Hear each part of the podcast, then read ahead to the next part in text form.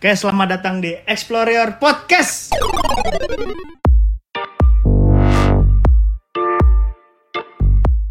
Oke, sebelumnya perkenalkan saya Hafiz. Dan saya Raihan sebagai podcaster ya, Fis. Oke. Kita mau ngapain nih, Fis? Sekarang mau kepoin apa sih berkaitan dengan dunia dunia desain interior sama masternya. Eh, The Godfather of Interior Design. iya, bisa dibilang Bisa kayak dibilang gitu, gitu. ya. Oke, kita ke sini kedatangan Pak Fajar, dosen dari isi Surakarta.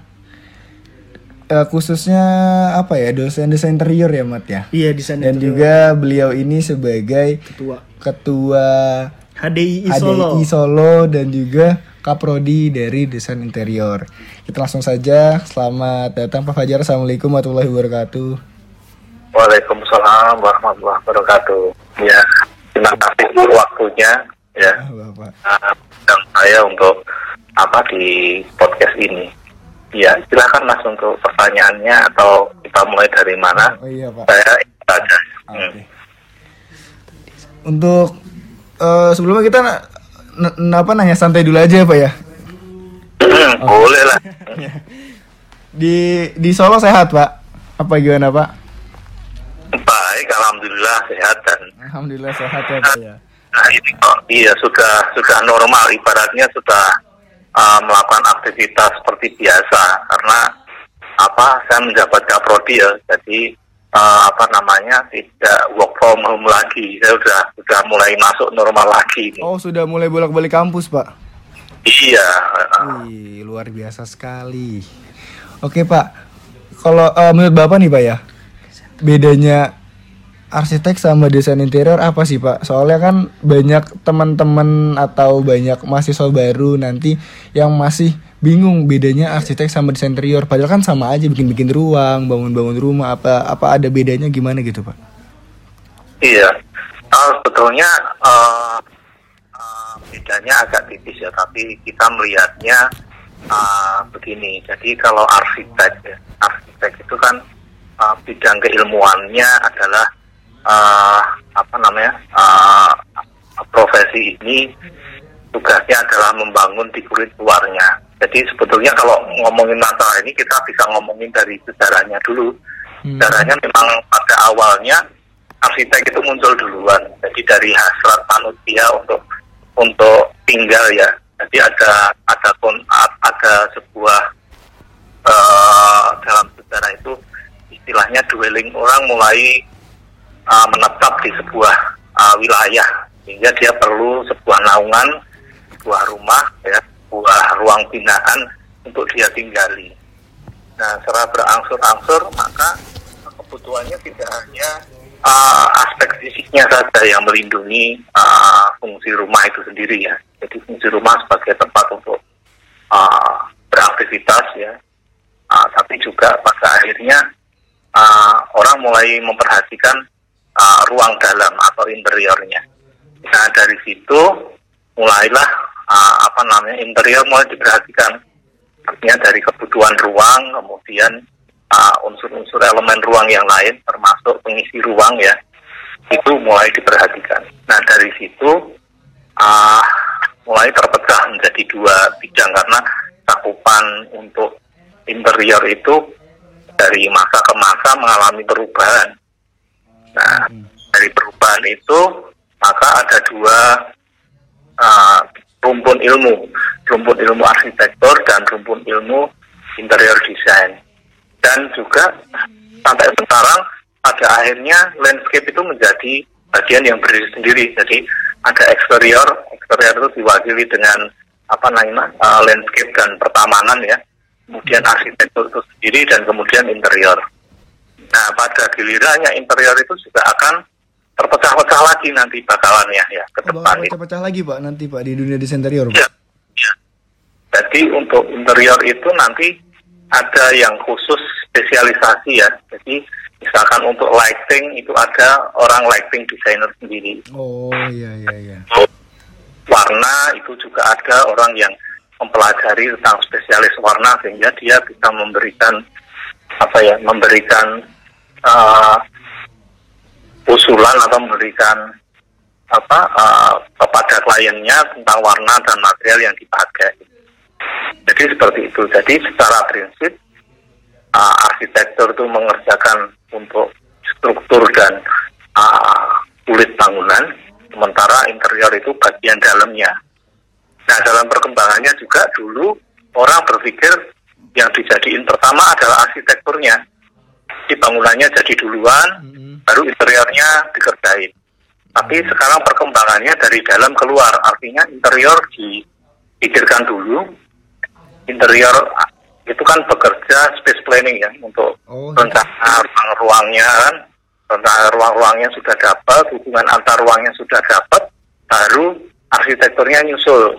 Oh, seperti itu Pak yang baik. Ya, hmm, bisa jadi bisa jadi antara interior dan arsitektur bekerja sama sehingga antara eksterior dan interiornya itu bisa sinergis, bisa menjadi satu kesatuan yang integrate, yang yang utuh seperti itu.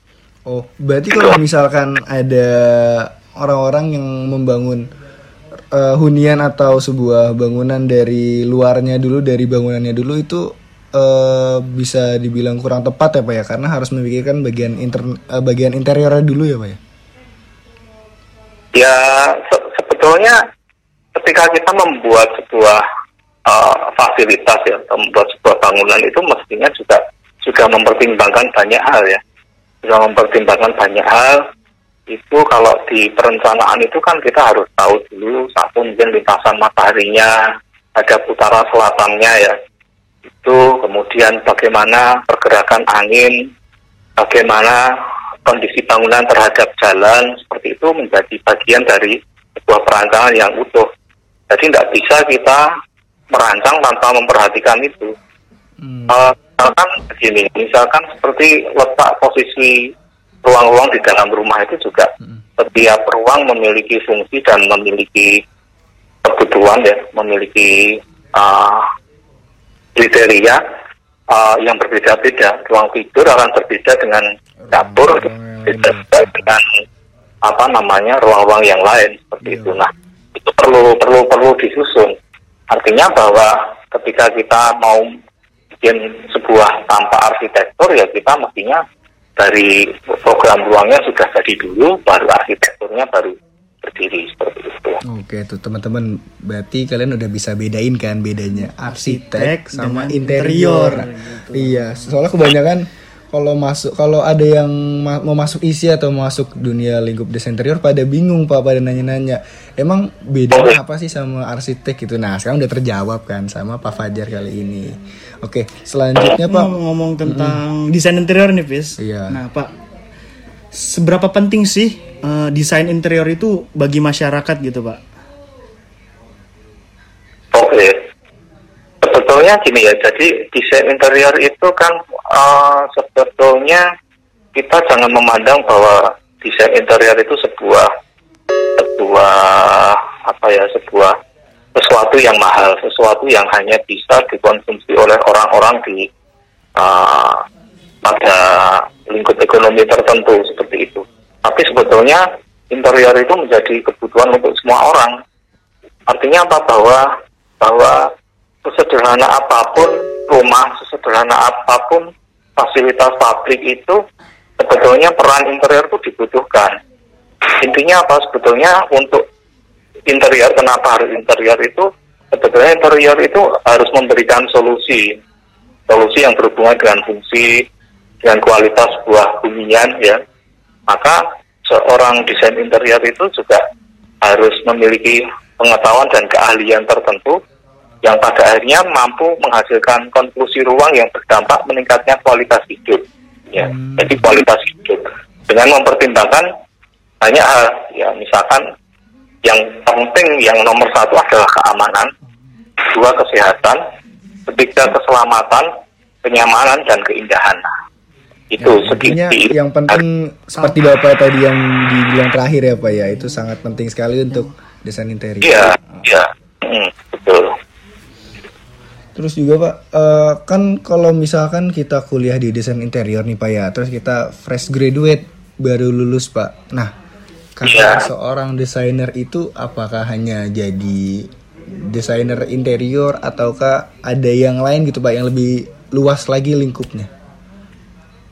Eh, sebetulnya kalau kita melihat dari apa namanya dari uh, kompetensi ya itu kompetensi itu bisa banyak hal ya.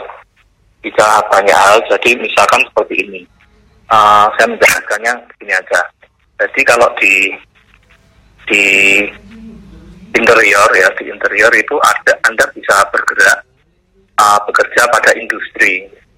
Bekerja pada industri itu nanti anda akan um, uh, apa namanya masuk dalam sebuah uh, kantor perencanaan atau kan- kantor konsultan jadi ada kira-kira ada empat ya mas. Jadi masuk di perusahaan desain masuk di konsultan desain masuk sebagai in-house designer atau konsultan kemudian sebagai kontraktor.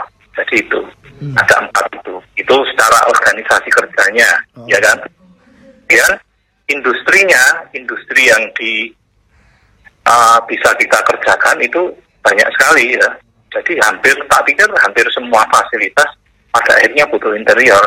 Apalagi sekarang selain kemarin kita sibuk ya karena ada perubahan mendasar ya. Artinya dari industri 3 kemudian 4 sekarang 4.0 ya. Iya. nah 4.0 kita belum sempat ini untuk siap-siap. Mungkin beberapa juga sudah siap-siap sudah running juga. Sekarang masuk ini ada pandemi. Nah pandemi ini tentunya akan merubah semua sendi-sendi kehidupan ya jadi semua yang tadinya aktivitasnya uh, aktivitas lama sekarang menjadi sebuah uh, aktivitas yang harus menjadi sebuah kebiasaan baru. Nah ini perlu interior ini, perlu interior untuk untuk memecahkan permasalahan itu.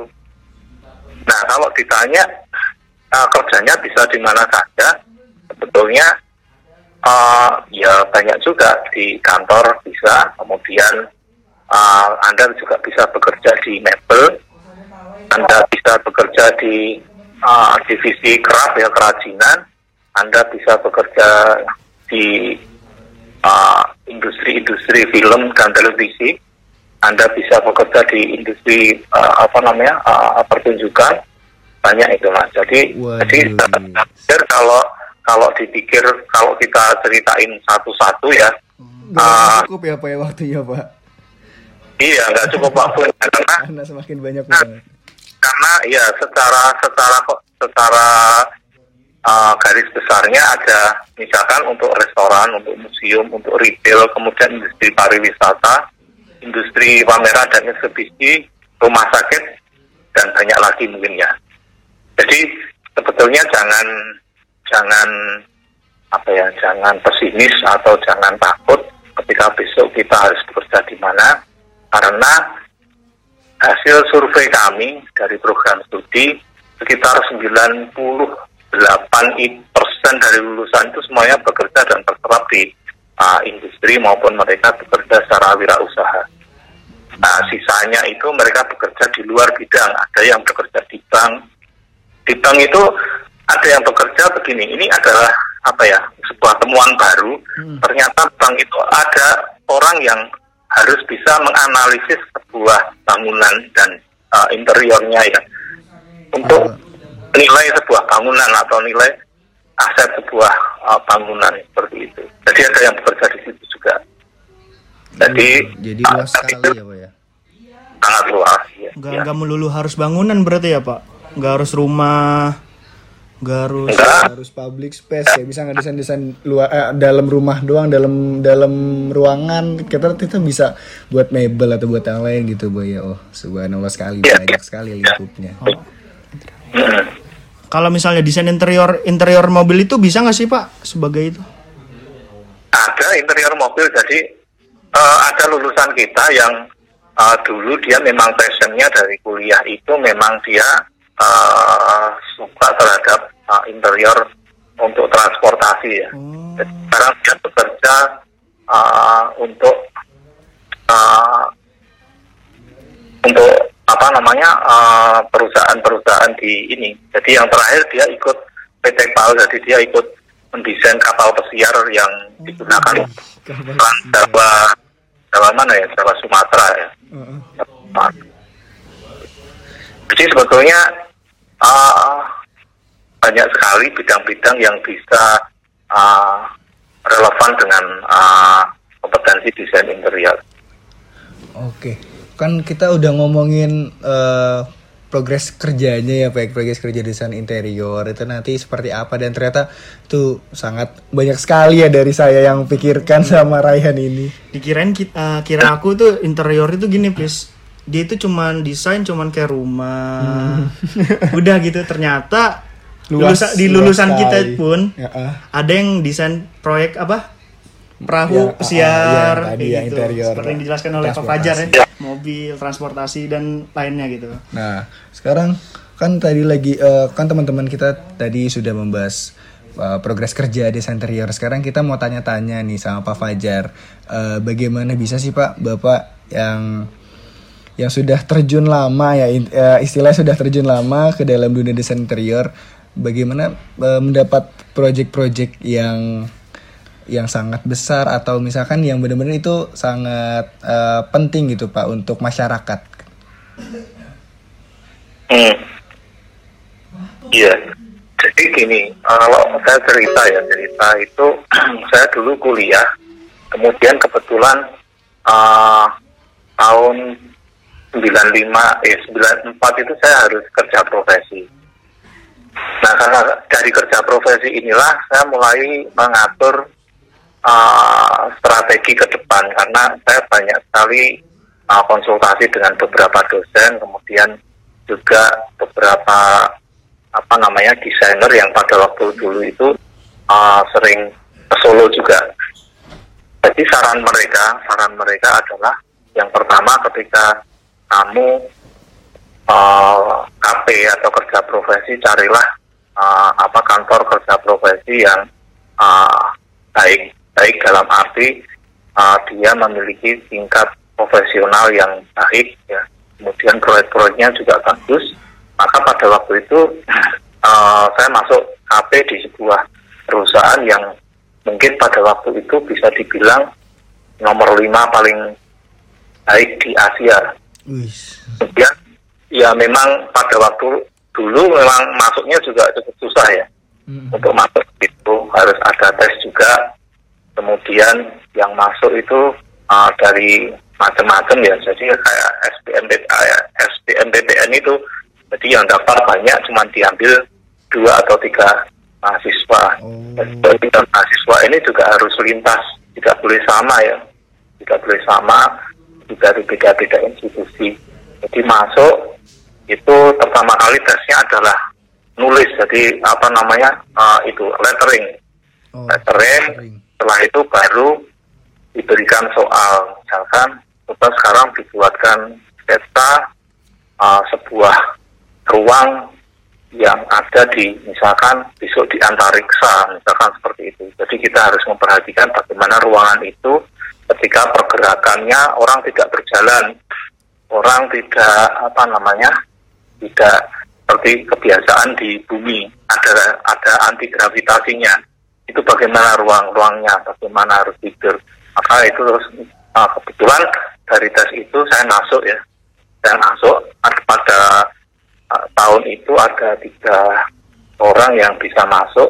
Kebetulan uh, teman saya satu angkatan dua dua mahasiswa yang sama tapi dari dari institusi lain. Nah dari situ saya bekerja uh, KP-nya itu tadinya tiga bulan tiga bulan kemudian setelah tiga bulan mungkin dirasa uh, saya sudah dianggap mampu untuk mengikuti atau meng- terlibat dalam sebuah proyek maka kemarin di, di, ditanya saya harus ini harus stay lagi harus harus di, dilamain supaya dapat banyak ilmunya katanya gitu Oh, dapat bonus ya. Ya, hmm, jadi yang harusnya tadinya KP itu tiga bulan, saya dua tahun di situ. Jadi cukup lama ya, Jadi cukup lama dan itu membuat akhirnya membuat saya lupa kuliah karena saya sudah ibaratnya sudah sudah kerja, ya. udah keenaan udah dapat Nah ini yang agak menghambat. Ini jangan dicontoh. Ini contoh yang jelek ya. Jadi bagaimanapun juga uh, studi harus diselesaikan. Misalkan dulu saya nggak selesai, saya sekarang nggak bisa ngomong di sini, nggak bisa jadi dosen Anda juga karena uh, nggak selesai kuliah. Nah, nah dari situ ternyata apa yang dikatakan uh, dosen dan apa namanya uh, dari desainer-desainer yang sudah berhasil pada waktu itu memang benar ternyata tempat kafe ini memberi banyak hal ya memberi banyak hal. Satu memberikan uh, pengetahuan yang sama sekali tidak didapatkan di kampus. Jadi memang kampus itu basicnya adalah membuat fondasi saya bilang membuat fondasi. Jadi mau dibikin berapapun itu tergantung fondasinya di kampus. Kalau di kampus fondasinya baik maka ketika KP itu bisa mengeksplorasi banyak hal ya. Jadi di KP itu banyak hal yang baru yang sama sekali kita nggak pernah ketemu di kampus. Tapi dengan fondasi yang ada di kampus itu kita pada akhirnya mampu mengembangkan semua yang ada di fenomena-fenomena uh, yang ada di lapangan itu. Seperti itu. Oh, jadi nah intinya setelah oh. iya se- nah setelah saya selesai dari situ pekerjaan itu udah saya nggak nyari udah dita udah ditawar itu iya. Gitu mas. Oh jadi intinya kalau misalkan kita mau dapat project-project yang lumayan ya pak ya kita jangan cuman ngandelin di kampus doang ya pak ya. Harus iya. harus explore Sekarang- dunia kerja yang Iya. lain. betul. Sekarang ini sekarang ini nggak nggak bukan zamannya lagi mahasiswa itu lama di kampus mesti sering keluar mesti sering ada kegiatan-kegiatan seperti ini ya. Kita sharing nggak hanya antara dosen eh, dengan dosen kita tapi dengan mungkin praktisi-praktisi yang di lapangan. Kita juga perlu lihat ke lapangan juga gitu loh. Kita harus lihat ke lapangan. Kalau dulu ya dulu pada waktu saya kuliah itu ada ada kesadaran uh, sendiri ya kesadaran sendiri. Kemudian uh, dan mungkin teman-teman saya di sa- satu angkatan itu juga mempunyai kesadaran seperti itu. Karena karena kuliah kita itu di Solo kuliah kami itu di Solo sehingga jauh dari proyek-proyek besar. Kita kalau ditanya restoran fast food itu seperti apa itu nggak nggak ada yang tahu. Jadi kita mesti keluar Solo untuk mencari apa namanya lit- literatur maupun mencari data-data di lapangan seperti apa fast food restoran itu seperti apa. Jadi semester 3 itu saya mesti ke Bandung untuk cuman sekedar mencari satu mencari buku di IPB, dua mencari Itulah. yang namanya fast food itu seperti apa. Nah, seperti itu. Kalau sekarang kan mungkin enak ya. Ya, Kalau misalkan buku itu kita tinggal ngeklik di Google aja, kita nyari buku apa aja, ada buku. Ya, iya, dulu nggak bisa. Harus beberapa hari, harus seminggu di Bandung. Terus kita nyari di IPB pada waktu itu karena di sana perpustakaannya paling besar ya, paling lengkap di untuk interior. Kemudian fast foodnya kita juga nyari seperti apa fast food kita harus ngamatin juga seperti itu. Kemudian setelah itu pulang data kita apa namanya kita buat ya data kita susun dan akhirnya itu menjadi sebuah betul-betul menjadi sesuatu yang baru sebuah sebuah pengetahuan yang baru pada waktu itu jadi seperti itu mas Hmm. Jadi wah saya mendapat ilmu baru juga untuk ke depannya setelah lulus teman-teman. iya iya Terus pak eh, kan untuk Ngomong-ngomong tentang buku Iya. Gitu kan. Hmm. Eh, cara eh, mempelajari paling efektif itu kita baca buku atau kita explore gitu pak? Misalnya mau tahu gaya ini nih itu gimana pak? Gaya Skandinavian atau Nah, itu. gaya gaya-gaya interior lainnya itu pak. Kita Kalau- banyak literatur buku atau kita emang harus survei langsung ke tempat. Karena kan kalau buku dan Google itu ibaratnya itu masih ngacak ya? masih kayak gimana ya? Kayak di Google itu belum tentu ada di buku dan di sebaliknya gitu. Itu kayak gimana pak Iya mestinya kalau kalau uh, apa namanya uh, lebih baiknya lebih baik menggunakan buku ya. Jadi memang di awalnya menggunakan buku. Sebetulnya kan uh, apa namanya belajar itu ternyata tidak hanya ketika kita kuliah ya dan menyadari itu misalkan ada ada, penugasan uh, pekerjaan baru yang terakhir-terakhir ini tentang film misalkan saya terlibat untuk membuat uh, set untuk film nah saya mesti mempelajari bagaimana uh, apa namanya uh, membaca skenario bagaimana membaca dramaturgi, bagaimana membuat set, bagaimana kamera itu berjalan. Nah, jadi memang setiap proyek itu punya sesuatu yang unik ya. An- Andaikan seperti ini, Ah, proyek yang biasa misalkan, ah, misalkan restoran ya. Restoran itu kan sebetulnya sudah di luar kepala. Bagi kita sudah di luar kepala, butuhnya paling itu itu aja ternyata dengan brief tertentu dengan uh, permintaan desain tertentu itu itu kita harus belajar lagi dari awal bagaimana ergonominya itu kita ukur betul-betul karena kebiasaan orang sekarang itu udah berbeda dengan dulu beda banget sama yang human dimensionnya Julius Panero itu yang namanya duduk sekarang di kafe itu duduknya bukan duduk posisi formal karena kegiatan dulu cuman makan doang Oh iya, makan kalau kalau sekarang kayak kalau sekarang ada nongkrong, ada rapat, ada kumpul-kumpul yang lain. bawa HP, bawa laptop dan lain. Nah, ini ini ada, ada perubahan pada akhirnya. Kita harus mempelajari bagaimana orang itu duduk. Jadi duduk itu juga sebuah budaya ya. Duduk itu berbeda-beda posisinya. Duduknya umur 40 tahun sama umur 19 tahun itu berbeda. Sangat berbeda sekali. ya.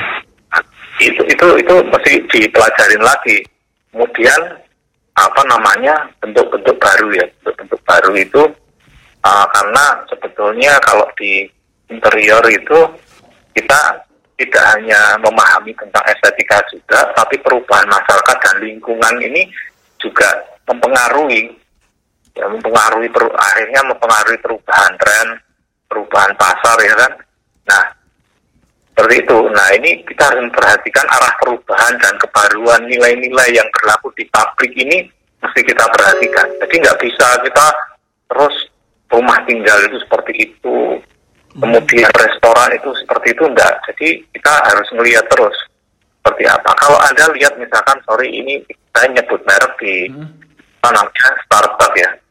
Starbucks itu kalau kita lihat layoutnya sumpek banget gitu Mm, ya.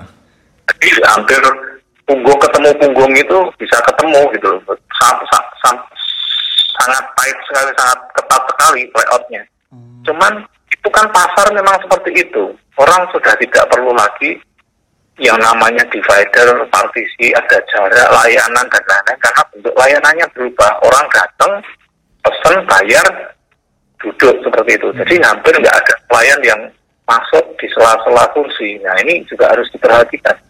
Artinya banyak hal yang harus kita perhatikan, banyak hal yang harus kita amati ya, sehingga desain itu dapat menjadi solusi bagi apa namanya uh, uh, lingkungan binaan yang kita buat.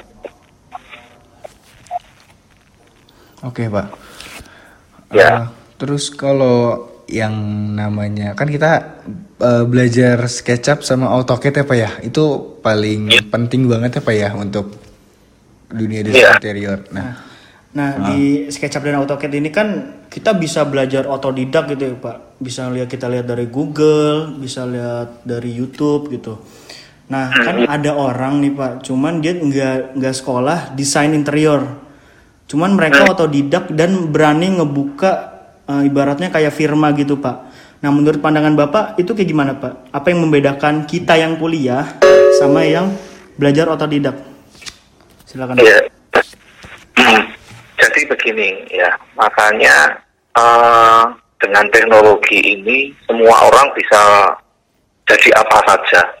Ya, tidak hanya di interior, di desain grafis pun DKV itu juga mengalami hal yang serupa ya karena teknologi akhirnya memudahkan eh, semua orang untuk untuk bisa uh, melakukan hal-hal yang di luar uh, kompetensinya seperti itu. Misalkan di interior terjadi seperti itu. Sekarang banyak ya, banyak yang ter- terjadi seperti itu. mungkin dari dari apa namanya dari SketchUp itu orang akan sudah bisa membuat ruangan sesuai dengan uh, apa nah keinginannya dengan idenya jadi nggak perlu pinter gambar nggak perlu apa namanya belajar interior cuman ditaruh-taruh aja cuman yang menjadi perbedaannya pasti ada bagaimana uh, memperhatikan uh, space planningnya space planning itu hubungan antar ruang bagaimana aktivitas-aktivitas itu bisa di, di apa namanya dipenuhi seperti itu. Nah ini justru menjadi apa ya menjadi semangat anda untuk lebih bisa menjadi pembeda bagi mereka-mereka yang tidak uh, belajar di interior. Hmm. Artinya ketika lulusan S1 sarjana itu sisi konseptualnya masih harus kuat. Itu yang membedakan. Kalau maaf untuk di tiga itu skillnya, hmm. skillnya kuat jadi keterampilannya itu kuat, lebih kuat di situ. Maka di sana lebih banyak prakteknya daripada teori. Oh. Sementara di satu lebih banyak teorinya daripada prakteknya. Itu. Nah, uh, konseptual ini akan terasa ketika Anda nanti pada posisi yang strategis di dalam sebuah proyek. Misalkan Anda menjadi uh, desainer utamanya di situ. Anda pasti akan diminta menjelaskan banyak hal tentang sesuatu hal yang terkait dengan konseptual sebuah bangunan. Konseptual itu misalkan bagaimana Anda membuat uh, sebuah uh, konsep terhadap arah matahari, arah mata angin, arah terhadap jalan, kemudian bagaimana nanti uh, sampai pada gaya, pada tema ruangan, bagaimana pemilihan itu semuanya harus memiliki landasan secara konseptual. Itu yang membedakan. Sementara mungkin, ya walaupun beberapa orang mungkin bisa ya, hmm. beberapa orang mungkin bisa karena mereka belajar lebih kuat, lebih gigih daripada kita ya, mereka juga akan belajar secara otodidaknya juga akan bisa setara sebetulnya. Cuman yang di awal yang membedakan salah jauh adalah secara konseptualnya akan akan pasti akan memiliki perbedaan yang mendasar. Karena uh, yang namanya konsep itu jalannya urut terstruktur ya jalannya urut.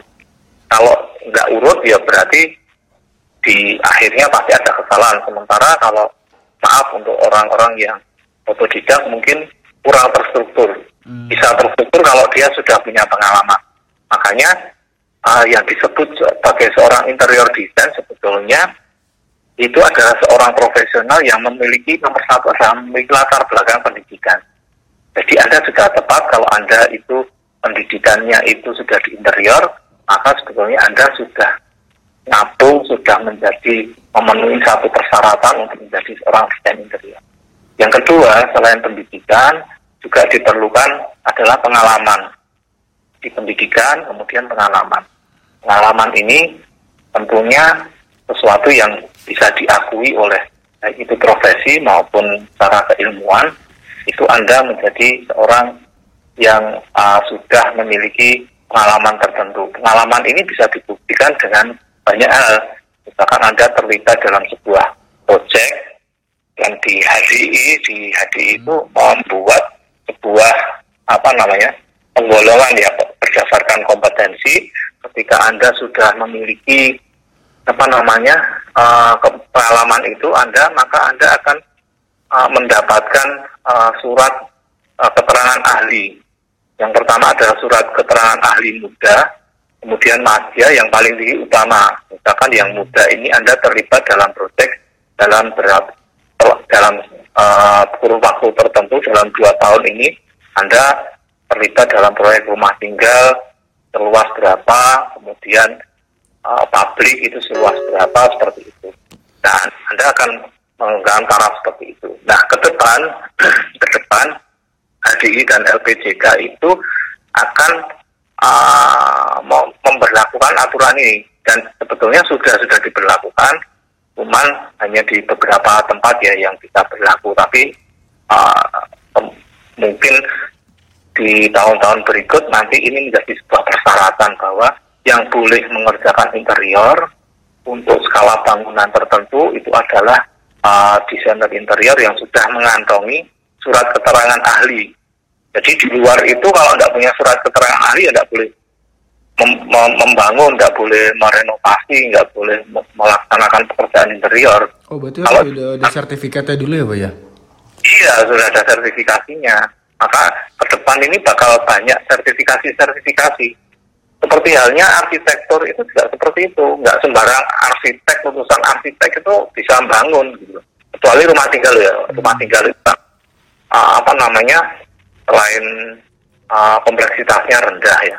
Tapi untuk bangunan pabrik, uh, mesti harus sertifikasi. Mungkin dalam waktu dekat, uh, aturan kebijakan ini akan diberlakukan. Gitu. Ini untuk yang terakhir nih pak, wa- mau minta saran sama wejangannya pak Untuk adik-adik baru, adik-adik baru dan kami Ah, gitu Pak. Dan kami para mahasiswa desain interior pak untuk ke depannya lagi. Iya, iya baik. Jadi eh, untuk mahasiswa ya, untuk untuk adik-adik saya ini bahwa eh, interior ini adalah eh, apa ya? adalah sebuah profesi yang sebetulnya patutlah untuk dibanggakan suatu bidang ilmu yang memiliki manfaat yang sangat besar bagi banyak masyarakat. ya. Jadi saya selama kuliah, ya, selama kuliah itu sebaiknya uh, terus belajar, ya, terus belajar dan belajar itu sebetulnya tidak hanya di kampus, banyak banyak tempat, banyak sumber belajar lain di luar kampus itu yang harus anda cermati dan harus anda cari di situ. Uh, kuriositas anda, jadi ke apa ya namanya? Keinginan anda untuk mendapatkan sesuatu ya, ilmu itu harus anda kejar. bro. Jadi anda tidak bisa berdiam di kampus hanya garap mengerjakan tugas terus pulang hanya untuk menggugurkan uh, apa namanya menggugurkan tugas ya, uh, kewajiban anda sebagai mahasiswa tapi juga anda harus terus belajar. Artinya belajarnya itu juga dari mana saja. Tukang kusen tukang mebel yang di pinggir jalan itu bisa menjadi guru yang baik bagi anda. Karena mereka punya cara sendiri punya metode sendiri yang mereka sudah geluti bertahun-tahun itu bisa menjadi ilmu yang bermanfaat bagi anda. Kemudian eh, sering-seringlah ikut lomba ya lomba itu menang atau kalah jangan jangan dipikir dulu. Tapi lomba itu untuk mengukur kemampuan Anda juga. Mengukur bagaimana uh, ibaratnya kita punya peta ke depannya. Ternyata angkatan saya itu tingkat kompetisinya seperti ini. Harus memiliki kemampuan seperti ini. Karena angkatan Anda itu nanti baik itu teman Anda yang sekarang jadi teman satu uh, kelas itu juga akan menjadi pesaing Anda. Jadi Anda harus mensejajarkan langkah Anda dengan teman-teman Anda, tidak hanya di kampus, tapi juga di luar kampus. Dan sadar bahwa uh, ilmu itu terus bergerak, ilmu itu terus bergerak, Anda harus terus uh, mengikuti itu, teknologi apalagi sekarang uh, itu juga skill-skill yang terkait dengan teknologi juga harus Anda kuasai. Jadi banyak hal untuk tantangan Anda semakin berat ya.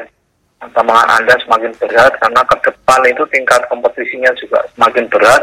Tidak hanya dalam negeri, orang-orang dari luar itu mulai datang ke Indonesia karena Indonesia itu pasar yang sangat sampai sekarang itu sangat sangat potensial. Kalau saya bilang sangat potensial. Karena apa pembangunan jalan terus, semua orang berinvestasi di Indonesia dan eh, apa namanya lapangan kita masih sangat luas. Sayang kalau lapangan yang sangat subur ini dikerjakan oleh orang-orang dari luar. Ya. Jadi Anda mesti mempersiapkan diri sebaik-baiknya dari sisi banyak hal, dari sisi pengetahuan, dari sisi keterampilan dan lain-lain ya. Nah, itu harus Anda uh, siapkan mulai dari sekarang. Waktu Anda cuma tiga setengah tahun untuk kuliah, Anda bayangin tiga setengah tahun itu setara Anda itu SMA. Dia lebih dikit ya kan. Anda yang ilmu yang harus Anda kuasai harus banyak banget ya kan. Semuanya serba asing. Baru datang aja sudah harus gambar teknik, harus tahu material, harus tahu ekonomis, harus tahu tentang bagaimana sosiologi desain, harus tahu bagaimana metode desain dan lain-lain itu kan sesuatu hal yang dalam waktu singkat Anda harus cepat menyerap itu. Nah, ini ini harus dipertimbangkan sejak sekarang dan jangan pernah mengeluh ya.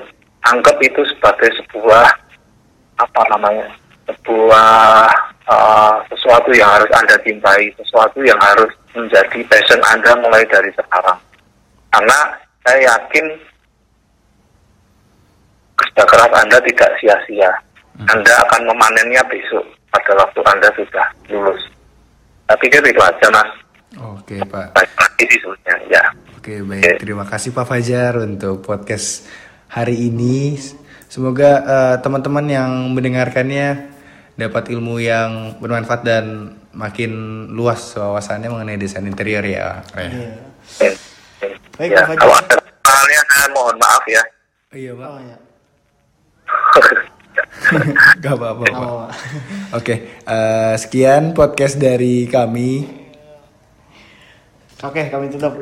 Wassalamualaikum warahmatullahi wabarakatuh. wabarakatuh.